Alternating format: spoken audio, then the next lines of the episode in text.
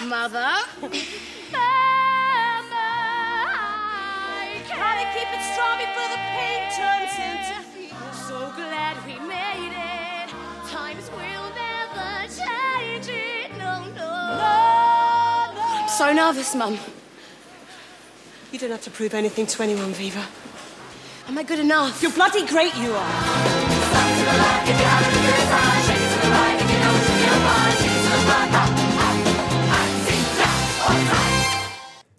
I går var det verdenspremiere på Viva Forever, musikalen som er basert på sangene til Spice Girls på Piccadilly Theatre på Londons West End.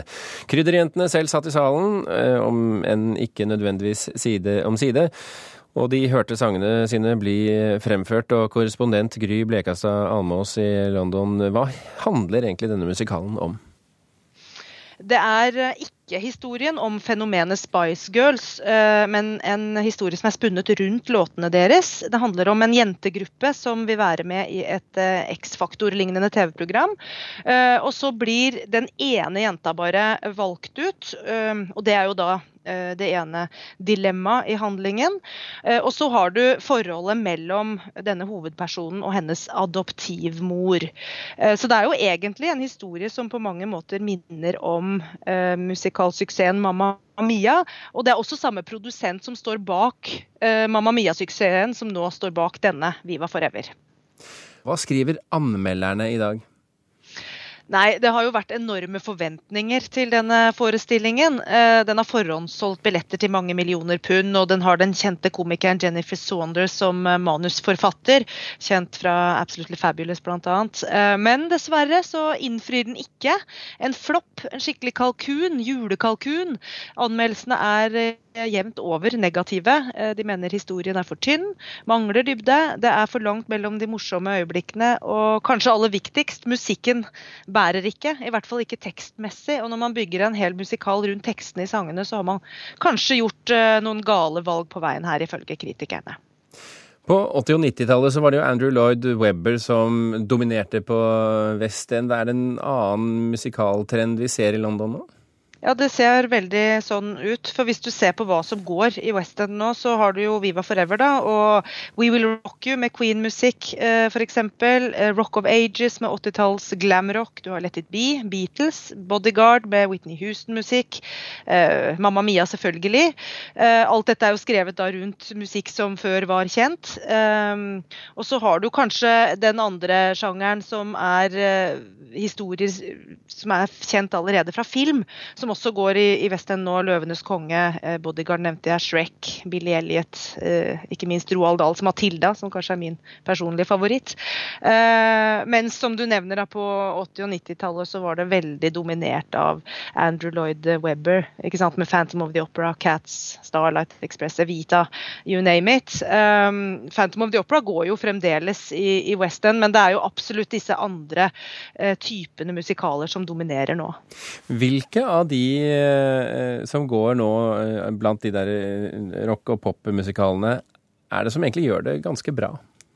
Det kommer litt an på hvordan du ser det. Altså, Mamma Mia har vært en stor suksess, var kanskje den som startet denne trenden. Og er jo blitt oversatt til noe sånt som 16 forskjellige språk, og går da verden over. Så har du f.eks. Queen-musikalen We Will Rock You, som går i West End nå for jeg tror det er på ellevte året. Men den ble også stemplet av kritikerne som en flopp da den kom.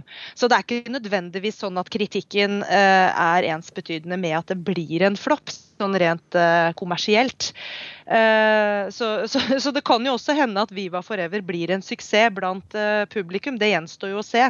Det, kanskje henvender den seg veldig til de som er på 30-tallet et sted nå, som også var ungdom da Spice Girls virkelig var store på hitlistene. Men, men hvorfor er det sånn at det har vært en dreining i hva slags type musikaler som går på West End? Nei, Det er jo dyrt å gå på musical. og eh, Eksperter jeg har vært i kontakt med dette, eh, om dette, mener jo at eh, særlig kanskje nå fordi det er økonomiske nedgangstider, så vil folk vite hva det er de betaler så mye penger for. Altså være litt kjent med stoffet på forhånd. Og da er det kommersielt tryggest å gå for noe man mener å vite at vil selge. Da. Det er i hvert fall én forklaring på det. Tror du at denne uh, Viva Forever blir tatt av plakaten med det første? Jeg skal kanskje være forsiktig med å tro sånn. Jeg har jo sett pressevisningen av denne forestillingen, og jeg lot meg ikke imponere. Eh, nå skal det sies at jeg heller ikke tilhører Spice Girls eh, hardcore fangruppe. Eh, og jeg kjente igjen noen av låtene, selvfølgelig, men jeg kjente ikke igjen alle låtene. og Jeg tror kanskje det er forskjellen på denne og en uh, musikal som Mamma Mia, hvor, hvor, du uansett om du syns ABBA er bra eller dårlig, så kjenner du musikken. Du har et forhold til det. Du kan liksom ikke la være å ha det. Mens uh, du har ikke det samme forholdet nødvendigvis til Spice Girls, for de varte ikke like lenge. De ga ikke ut like De har et mye, mye mindre repertoar. Uh, og det gjør kanskje at uh, musikken i seg selv ikke er show nok. I tillegg så må jeg si at jeg også var veldig skuffa over historien. Jeg hadde store forventninger til Jennifer Saunders som manusforfatter og hadde håpet en større ironisering over fenomenet Spice Girls. Uh, det ble for seriøst på en måte for meg, og historien Jeg er enig med kritikerne som sier at den var litt tynn. Så jeg har ikke helt tro på denne musikalen. Takk skal du ha, Gry Blekastad Almås. Og tolker jeg deg rett, så sier du at vi like godt kan holde oss til originalen.